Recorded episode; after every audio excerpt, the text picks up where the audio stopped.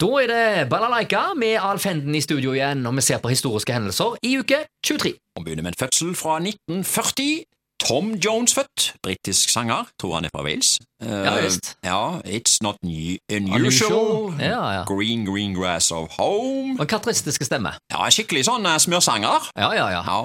Og så hadde han jo en James Bond-låt, Thunderball. Mm. Ja da, det var svære han på 60-tallet, Tom Jones. Han fortsatt er aktive. Jeg lurer på om han kommer til Norge i løpet av året, eller var det faktisk neste år? Eh, han er booka inn her, ja, jeg tror det.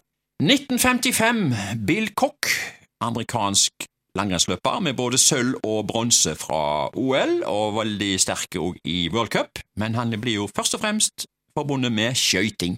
Han var den som begynte å uh, skøyte, uh, Mm. iallfall av de mest kjente. Og Det ble det mye bråk om eh, på 80-tallet. da. Eh, Skulle de få lov å skøyte? eh, Så det ble litt sånn blanding. Du fikk lov å skøyte visse distanser, eh, men målgangen måtte du ta um, i klassisk, og det ble mye tull noen år der, men nå har de på en måte funnet en form. Enten så har du klassiske langrennsøvelser, eller så har du uh, skøyteøvelser. Ja, ja, ja. Og så, vet, Når de skal gå enkelte stigninger eh, i dag, eh, så har de jo eh, Ja, de har lagd en eh, teknikk som Ja.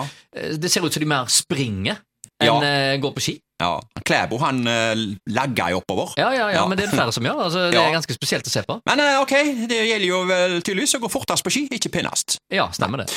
1945, vi tar hendelser internasjonalt da, men vi er jo i Norge her. 1945, 7. juni. Kong Haakon den 20., kronprinsesse Märtha og de tre barna vender tilbake til Oslo fra eksil i London og USA. Eh, Når de dro fra Norge i 1940, var det jo hysj-hysj, dramatisk flukt der. Men når de kom tilbake, du, så var det ellevill jubel fra alle tusen på tusener som møtte opp.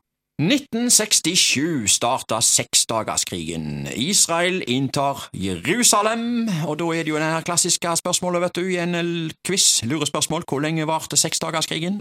ja. Det er jo veldig enkelt svar på det. ja, men uh, siden du spør om noe som fremstår som eh, så opplagt, så tenker folk at hm, her må det være noe lureri. Ja. Han mener sikkert at det var fem eller sju. Ja, Ja, det stemmer det. Det er flere som har røket på det spørsmålet der. ja, Jeg ja, har lagt noen quiz om Men det. så rette svaret er altså seks. Det er rette svaret i seks dager. Hendelser lokalt, kino i 23. Der har jeg tatt for meg 1985 denne gangen. På Edda gikk filmen Små kjemper. Eh, I kinoannonser så sto det at de slåss for et verdig liv. John Houston og selveste fotballikonet Pelé i hovedrolla. Pelé, du, med fotballspenning. Eh, Aftenpostens kommentar sto i kinoannonser. Slik skal en barnefilm være. Spennende, morsom og med god moral. Ja. En annen film som gikk, det var eh, The Killing Fields. Dødsmarkene, da. Og så gikk der en film som heter Trailerkjøreren. Det var jo en film med aldersgrense ungdom. Jeg tar bare de tre filmene der fra 1985. Vi holder oss til 7. juni 1930. 7. juni-arrangement i Haraldsvang. Haugesunds Avis skrev Presseforenings 7. juni-arrangement i Haraldsvang samlet atskillige mennesker, men ikke så mange som ventet på grunn av det sure vær. Festligheten ble åpnet med musikk av guttemusikkorpset, hvoretter Carl Sørensen leste en stemningsfull prolog skrevet av Hemming Skred. Sokneprest Cornelius holdt en meget vakker tale for dagen. Festligheten ble avsluttet med musikk av Janitsjar-orkesteret.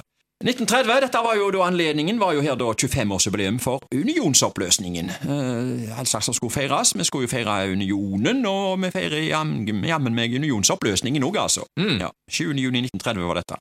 1940, bedervelige varer til tyskerne. Eh, Dette her med krigens begynnelse, dette da. Eh, Haugesunds Dagblad hadde her en kunngjøring. Jeg leser kunngjøringen.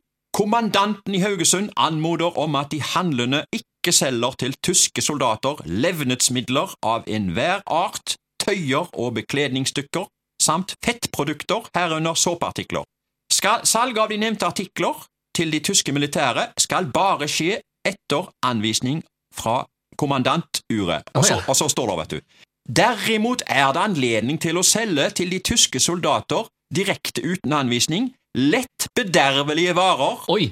så som egg, melk Oi. med mere. Ja, det kunne vi selge til tyskerne, altså. Litt Ja vel, ja bedervelige varer. Ok, Så de skulle slippe ramma? Eh, De fortjente det gjerne. Jeg gjorde gjerne det. Vet ikke jeg, det var for, det var jo da, er, det, er det det som kalles for biologisk krigføring?